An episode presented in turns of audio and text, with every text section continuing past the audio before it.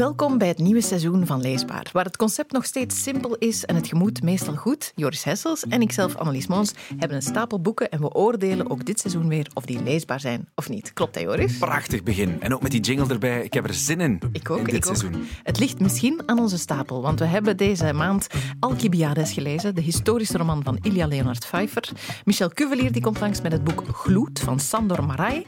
En jij, Joris? Ik heb een grote verrassing. En ook weer niet voor de mensen die geluisterd hebben eh, vorig seizoen. Ik ben vooral benieuwd of die verrassing eindelijk echt is meegekomen. dat, dat hoor je in deze leesbaar. Of het boek leesbaar is, eh, daar komen we straks op terug. Maar de relevantie eh, van het boek valt al niet in twijfel te trekken. Na drie weken waren er van dit boek al 50.000 exemplaren verkocht. En sindsdien zijn er alleen nog maar meer geworden. Het is dus een boek dat in heel veel kasten al ligt, maar zal het ook gelezen worden. En dus is het leesbaar? Dat is onze vraag over Alcibiades van Ilya Leonard Pfeiffer. Ehm, Joris, misschien moeten we eerst Ilya het zelf even laten uitleggen. Ja. Ehm, want hij heeft eigenlijk wel iets helemaal nieuw gedaan, voor, voor zichzelf dan. Ja, het is inderdaad iets helemaal nieuws. Dit heb ik nog nooit eerder gedaan. En eh, het is inderdaad ook dat ik er lang mee heb gewacht, want het is een oud plan. Eh, ik was eh, in een vorig leven, voordat ik mij volledig aan het schrijven mocht wijden, klassicus. Ik heb ook gewerkt aan de Universiteit van Leiden. En als klassicus kom je Alcibiades tegen. Het is een historisch personage en een buitengewoon fascinerend en kleurrijk personage. En al in die tijd eh, had ik het idee dat hij een historische roman zou verdienen. De reden waarom ik nu wel, al dan niet terecht, de moed heb opgebracht om dat oude plan uit te voeren, is eigenlijk dat ik, eh, dat ik opeens begreep dat ik het aan de hand van het verhaal van Alcibiades eh, kon praten over problemen die heel erg urgent zijn in deze maatschappij. Eh, Alcibiades eh, heeft een buitengewoon kleurrijk leven geleid en eh, het is een feest om dat na te vertellen. Je hoorde enerzijds Ilya Leonard Pfeiffer, maar ook Faraday Aguirre, want hij was te gast eh, in de afspraak toen het boek verscheen, eh, voor de zomer. Ja, hij was een klassicus, eh, geïnteresseerd in, in de hele periode waar het over, over gaat en in dus die Alcibiades, zegt hij, het mag allebei. Ehm, dus Alcibiades, die heeft bestaan, Ja. maar het boek dat we te lezen krijgen, hoeveel daarvan waar is, eh, weten we dat? Eh, nee, en op zich eh, is dat gaandeweg ook niet zo belangrijk, heb ik de indruk. Nee. Eh, dat het historisch juist is. Want de feiten die, die kloppen wel, dat valt op als je naar het laatste deel van het boek gaat kijken. Het is een heel dik boek. Ja, En de 772 bladzijden zonder verklarende woordenlijst. Ja, want daarna komen er dan nog een personagelijst. Komt er, er komt, ik heb het denk ik zelfs opgeschreven, meer dan 100 pagina's aan bronnen. Een Ja. bibliografie van 32 pagina's. De klassicus in Leonard Pfeiffer heeft hier wel ehm, ja, duidelijk zijn, zijn hand gehad. Klopt, ja. En er valt ook wel wat te verklaren, want er worden wel wat namen gedropt in dit boek. Zeker in het begin van het boek eh, moet je wel eventjes door eh, de opsomming van allerlei ja, Griekse figuren. Ehm, Ja, ik was blij wanneer de naam Socrates al redelijk Ja. snel valt, want dan dacht ik, ah, die ken ik. Ja, of Pericles, die doet ook een belletje rinkelen, maar voor de rest hoorde ik het heel vaak in Keulen donderen. Eh, maar dus het opzetten was een historische roman, dat, dat, Ja. eh, dat had hij nog nooit gedaan. Had jij vo- voordien al iets van hem gelezen, Joris? Eh, ja, ik, ik heb de brieven, zijn brieven uit Genua, wat ook een, een dik boek, maar dat zijn aparte brieven, dus die kan je apart lezen en bestaan ook apart op zichzelf. En daarna heb ik Pich- Pich- Pichets, Piche, Piche. Ehm, de juiste uitspraak eh, is zoals Alcabiades eh eh zelf in te vullen. Dat was een- ook een korte novelle. Ja, en dat dat was- heb ik gelezen. dat van vond je hem. leesbaar? Of dat Ja, je- zeker. Ja, ja. Die korte novelle was heel erg leesbaar. Daar heb ik heel erg van genoten. Ehm, en hij heeft een bepaalde stijl. Hij badineert graag in, in de taal. Hij, hij, mag graag heel, heel breedvoerig ehm, eh, schrijven. En en ik, ik kan daar eh, voor een heel groot stuk eh, in meegaan, althans in de brieven uit Genua, eh, omdat de, de inhoud ehm, eigenlijk ehm, samenviel met de vorm, zal ik maar zeggen. Wat op zich in dit boek ook wel zo is, want je Ja. krijgt Alcibiades of Alcibiades die zijn memoires noteert Ja. en die dat doet in de stijl die ik herken uit de Latijnse les van vroeger. Ja, ik heb geen Latijn gedaan, maar ik kan me daar wel iets bij voorstellen. Het gaat over redenvoering en over de, een ode aan de, aan de redenvoering bijna. Misschien moeten we de eerste zin eens voorlezen. Ik heb niet de reputatie dat ik snel geneigd ben tot schaamte. En hoewel ik begrijp dat ik deze reputatie met mijn daden vaker heb gevoed dan ontkracht, heb ik ooit een man gekend die in elk opzicht zo evident superieur aan mij was dat ik mij schaamde zodra ik hem zag. En ik vraag jullie mij te geloven als ik zeg dat ik op sleutelmomenten in mijn leven, toen ik mij gedwongen zag beslissingen te nemen die bepalend waren voor mijn carrière en voor de toekomst van onze stad, zijn satierkop met wijd opengesperde neusgaten en uitpuilende ogen voor mij zag en werd vervuld van schaamte bij het besef van mijn eigen ontoereikendheid. Dat is Eén zin. zin.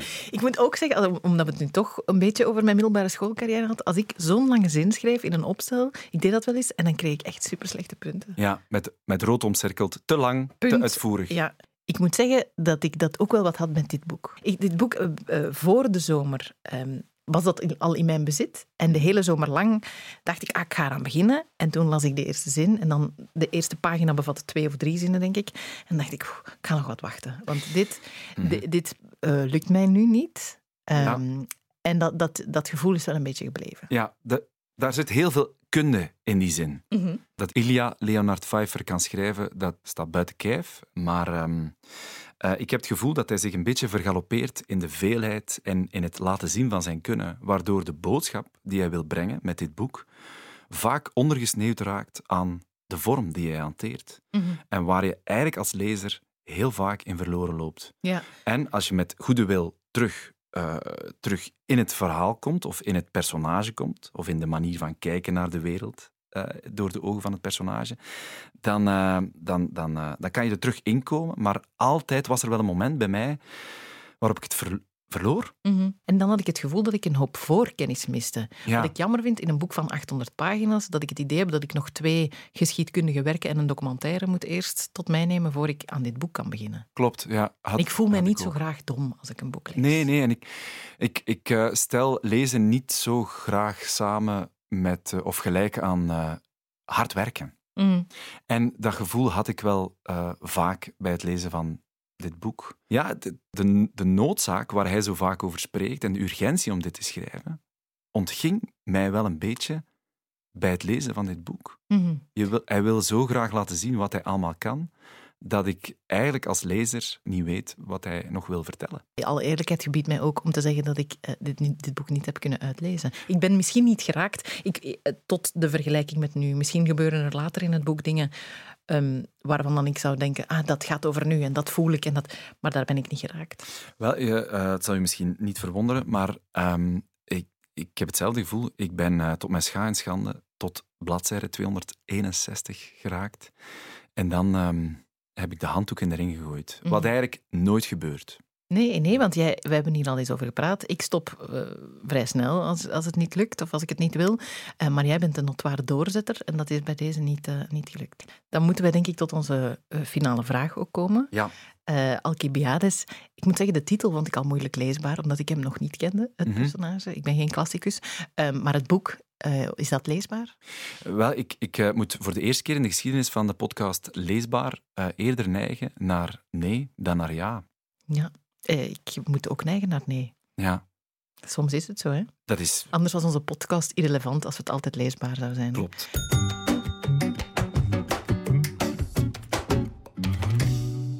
Annelies. Ja? Zoals altijd bij elke aflevering van Leesbaar, dan trekken we er iemand bij. En niet zomaar iemand, iemand die we kennen van in de wandelgangen van de VRT, of iemand die we bewonderen Mhm. om zijn of haar talent. En eh, dat is nu in deze aflevering niet anders. Ehm, we kunnen haar kennen van de radio, maar ook, ze is ook de grootste muziekliefhebber, muziekfreak, muziekkenner, die ik persoonlijk in mijn eh, klantenbestand, wou ik bijna zeggen, mijn telefoonboek heb staan. Dat is uw klantenbestand dan misschien, ja. Voilà, dat klopt helemaal. Eh, kleine zelfstandige als ik ben. Maar in ieder geval, u hebt haar lach al, al herkend. Eh, en het is niemand minder dan Michel Cuvelier van Studio Brussel. Maar van zoveel meer, ook van de Tijdloos bijvoorbeeld. En van uw klantenbestand. Voilà. Michel, welkom bij Leesbaar. Ja, hallo, dankjewel dat ik hier mag zijn. Niet alleen muziekliefhebber, maar ook boekenliefhebber? Vraagteken. Ja. Het goed Punt. antwoord. Oké. Ah, ja, oké. Maar het ding is, het, eh, ja, waar ik wel... ah, geraakt al meteen aan een pijnpunt in mijn leven, want ik was eerst een boekenliefhebber en dan een muziekliefhebber geworden. En dan ben ik iets met literatuur gaan studeren, waardoor muziek op het tweede plan kwam. En nu ik heel veel met muziek doe in mijn leven, eh, zit de boek een beetje op het, eh, op het onderste schapje. En dat vind ik als boekenliefhebber jammer. Maar daarom ben ik hier graag. Ja. Ja. Maar het onder, onderste schapje, dat wil, dat wil zeggen, je leest nog wel, maar niet meer zoveel eh, Nee, nee. Ik vrees... Oh nee, oh, ik vind het zo erg van mezelf. Ik vrees dat ik zo'n mens ben geworden die enkel in vakanties... Eerst op vakantie. Annelies, haar hart breekt nu. Maar mijn hart breekt dus ook. Hè. Elke vakantie dat ik denk, oh, hier kom ik weer. Ah, ben ik eens naar de boekenwinkel geweest. Hè. Ga ik op reis met vijf boeken, veel te ambitieus natuurlijk. Maar je, je leest ze dan wel op ja, vakantie? tuurlijk. En dan voel ik me even ook minder schuldig. Ehm, En Je hoeft u daar niet schuldig over. Ja. Je bent nog zo jong. Er, zijn- er is nog zoveel ruimte voor verschillende fases in uw leven. ik hoop dat. Ja. Maar er is gewoon te weinig tijd in een mensenleven voor alles. Maar dit is dus een heel existentiële uitspraak heel vroeg. En we moeten het nog over mijn boek gaan hebben. Maar we zijn heel blij dat je tijd maakt voor ons, voor Ja, ja. leesbaar. eh, want we hebben jou gevraagd om een heel leesbaar boek mee te nemen, mee te brengen. Ja. En dan zijn wij natuurlijk heel benieuwd, welk boek is dat geworden? Dit is het. Ik zal het voor het audio-effect laten horen. Hoort u het? Heerlijk. Wacht, het is een podcast. Dat is een radio- en podcast. hè?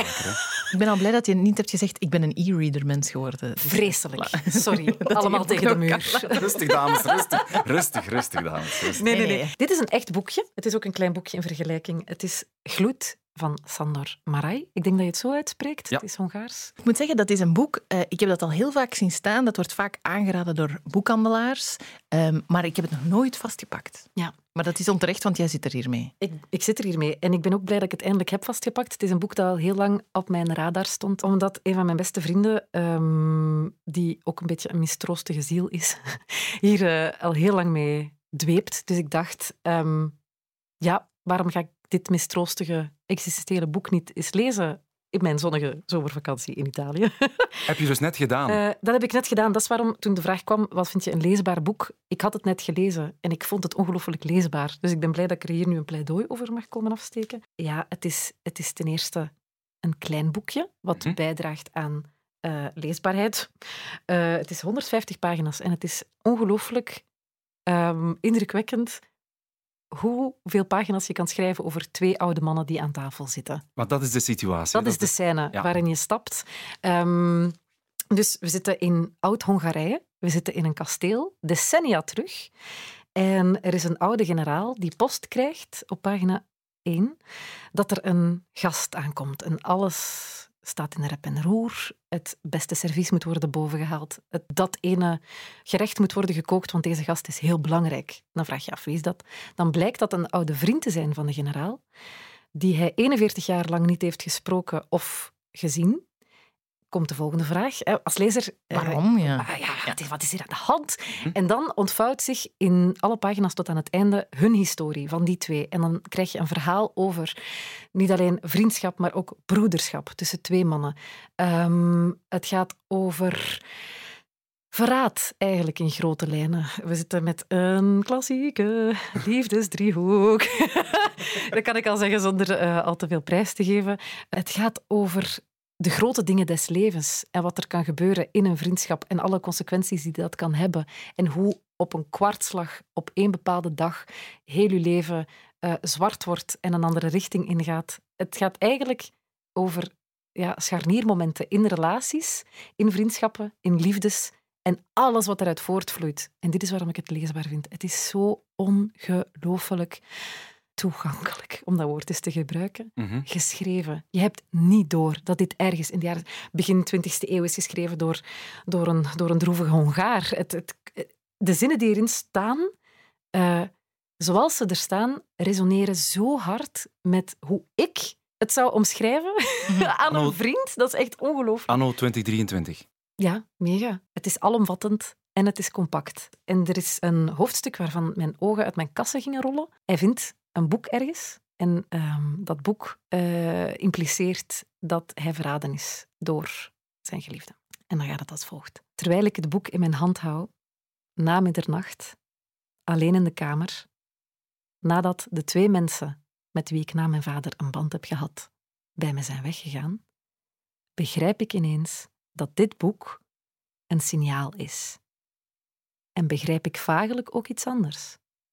Op die dag zijn de dingen eindelijk tot me gaan spreken. Er is iets gebeurd. Het leven heeft gesproken. En dan moet je heel goed opletten, denk ik.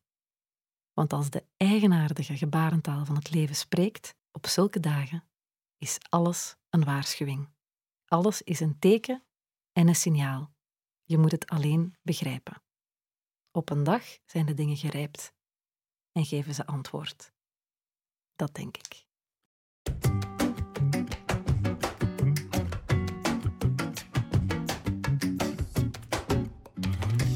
Ja. Dan is het nu tijd voor ja, het antwoord op de hamvraag. Die Ehm, al een heel seizoen van Leesbaar meegaat. Was het niet in onze allereerste aflevering dat het ging over het feit dat jij de biografie van George Michael aan het lezen was? Klopt, klopt. En dat is effectief een heel seizoen meegegaan. Ehm, en dan heb ik op het einde van vorig seizoen de belofte gemaakt. Kijk, eh, ik ga het nieuw seizoen beginnen met een, ehm, ja, een, een bespreking van de biografie van George Michael. Heb je die uitgelezen? Ik heb die uitgelezen. Ik ga zelfs meer zeggen, ik heb hem nog eens gelezen in het Nederlands. Mo, Ja, klopt. dubbel. Ja, soms wil ik echt een te goede leerling zijn. Dat is duidelijk. Maar Annelies, vooruit. wat zegt u George Michael? Als ik zeg George Michael, wat gebeurt er dan in uw hoofd? Ik begin al een beetje te dansen al. Ja, heel dansante muziek heeft hij gemaakt. Hij staat een beetje symbool voor eh, de jaren 80 en jaren 90. Ehm, heel erg ehm, suikerachtige ehm, pop. Mhm. Ehm, heel erg veel buitenkant. Eerst eh, onder de naam van Wham, samen met Andrew Ridgely. En dan eh, solo ehm, eh, prachtige nummers gemaakt als Freedom en Careless Whisper, Father Figure, noem maar op. Ehm, en onder dat laagje van suiker zit een heel tragisch levensverhaal. En dat krijg je in, in, een- in deze biografie, die heel erg toevallig George Michael Alive, Alive van een leven, ehm, zo is het ook vertaald, Ehm, dat krijg je dus ehm, helemaal mee, dat leven. Van, van aan de wieg tot aan zijn heel erg tragische, Vroeger. stilzwijgende dood op kerstdag. Ja. En en ja, dat heeft mij wel heel erg meegenomen. Ja? Eh, ja, ja ik, eh, wat ik leuk vind aan biografieën is ehm, dat je daarnaast ook eh, die muziek hebt. Je kan die muziek beluisteren. Ehm, en heb ik nu ook gedaan. Ik heb eigenlijk heel de zomer George Michael beluisterd. Ehm, en als je dan dit boek leest, dan begin je anders te luisteren naar die muziek. Dan begin je anders... Ja, ja eh, the clothes do not make the man. Dat soort zinnen die beginnen ja, een andere weerklank te krijgen. En dat is door, door dit boek natuurlijk, door, door het, het tragische verhaal van, van George, die eigenlijk nooit echt helemaal zichzelf was in een, in een wereld die, eh, die alleen maar een bepaald facet van hem wou. En daar heeft hij ook een heel lange tijd zelf aan meegedaan. Het is eigenlijk een verhaal van, van ehm, een zoektocht naar eigenliefde die Mhm. hij eigenlijk nooit gevonden heeft.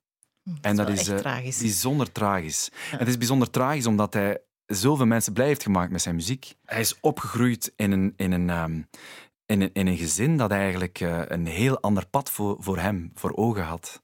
Ehm, en die eigenlijk ook nooit geloofd hebben in zijn talent, in zijn onmetelijke talent als zanger, eh, maar ook als muzikant. Ehm, dat is later dan wel iets of wat bijgesteld, maar hij heeft, hij heeft altijd zo gesmacht en gezocht naar, naar, naar liefde van anderen. Eh, maar ook vooral liefde van zichzelf. Mhm. Hoe laat dat boek jou dan achter? Ja, eh, toch wel, toch wel ehm, met de nodige pijn. En ik denk dat hij, hij, hij, hij maakt deel uit van een bepaalde generatie van artiesten die, eh, ik noem maar Madonna, Michael Jackson, Prince, dat waren allemaal, die figuren waren larger than life. Mhm. Zijn dan in het geval van Madonna nog, nog altijd. Ehm, maar dat heeft zo'n ongelooflijke kostprijs. En ik ben blij dat we doorheen de jaren, eh, dat hij er misschien door zijn eigen leven jammerlijk te lijden, eh, dat hij ervoor gezorgd heeft dat er nu figuren als Billie Eilish in al hun kwetsbaarheid ehm, een ander facet tonen. Eh, en dat dat ook kan. En dat iemand als Billie Eilish of Harry Styles of Stromae kunnen zeggen van het is, het is even genoeg. Ik ga eh, even niet meer in het voetlicht treden. Het, eh, het gaat niet goed met mij. Ik kom terug wanneer ik, eh, wanneer ik eh, wanneer ik er terug klaar voor ben. En dat daar nu zoveel aandacht voor is, daar kan ik alleen maar blij om zijn. Maar het heeft wel het leven van een Amy Winehouse, maar ook van deze George Michael gekost. Maar we hebben wel zijn muziek en dat, dat geeft dan wel veel troostessen. Oh. Ja, dat heb ik wel gepikt van mijn beste vriend uh, Dominique van Malder. Dank je. Dominique. Voilà, Blij dat Dompie eindelijk eens aan bod komt. Ah, ja, ja, ja. Dank je, Dompie. We kunnen hem wel eens uitnodigen. Hè? Ja, graag. Ja. Ook een grote fan van George Michael. Het is een heel leesbare biografie. Voilà. George en het verliest zich niet in zo de, te veel details en te veel... Nee, nee, nee. Soms, nee, nee, nee, nee. Het, is, het gaat vooruit en je hebt er beelden bij. Het is goed geschreven. Het is goed vertaald ook, dat kan ik nu ook wel zeggen. Um, ja, James is, Gavin. James Gavin heeft het geschreven en het is... Uh, vertaald in het Nederlands onder George Michael, Een leven. De moeite. Dankjewel. Ook Joris Hessels om eindelijk al die verwachtingen in te lossen. Ja, dat weet dat ik niet. heb je bij deze gedaan. Ja, ja, het voelt ook een beetje kaal. Nee, en nu dan? Nee. Uh, ja, nu kan ik doorverwijzen naar wat wij volgende leesbaar gaan ah, doen. goed, ja, ja. Um, want volgende leesbaar gaat er een paar dagen later zijn dan de mensen van ons gewend zijn. We zijn normaal de laatste donderdag van de maand. Oei, waarom? Maar nu een paar dagen later, want wij gaan een leesbaar live maken op Boektopia in Kortrijk. Ah ja. Um, en dat doen wij uh, pas zaterdag. Dus zondag 29 oktober kan je op VRT Max de nieuwe leesbaar beluisteren. Uh, of mensen kunnen gewoon komen. Ja, ja. Eerst naar leesbaar. Heel leuk, je kan ons aanraken. Ja, misschien moeten we daar niet zou, te veel in overdrijven. Nee, ik zou gaan voor bewonderend kijken en applaudisseren. Yes. Om te beginnen. Um, we, nodigen... we hebben ook liefde nodig. Voilà. En we gaan uh, daarom, net omdat we liefde ook nodig hebben, we gaan ook schrijvers uitnodigen. We doen een beetje een atypisch uh, concept. Schrijvers gaan eens mogen aantreden bij ons aan tafel en het over leesbare boeken hebben. En we hopen dan vooral dat jullie daar ook zien en horen. Oké, okay, goed. Ik kijk er naar uit. Ja, ik ook. Tot dan dan. Tot dan dan.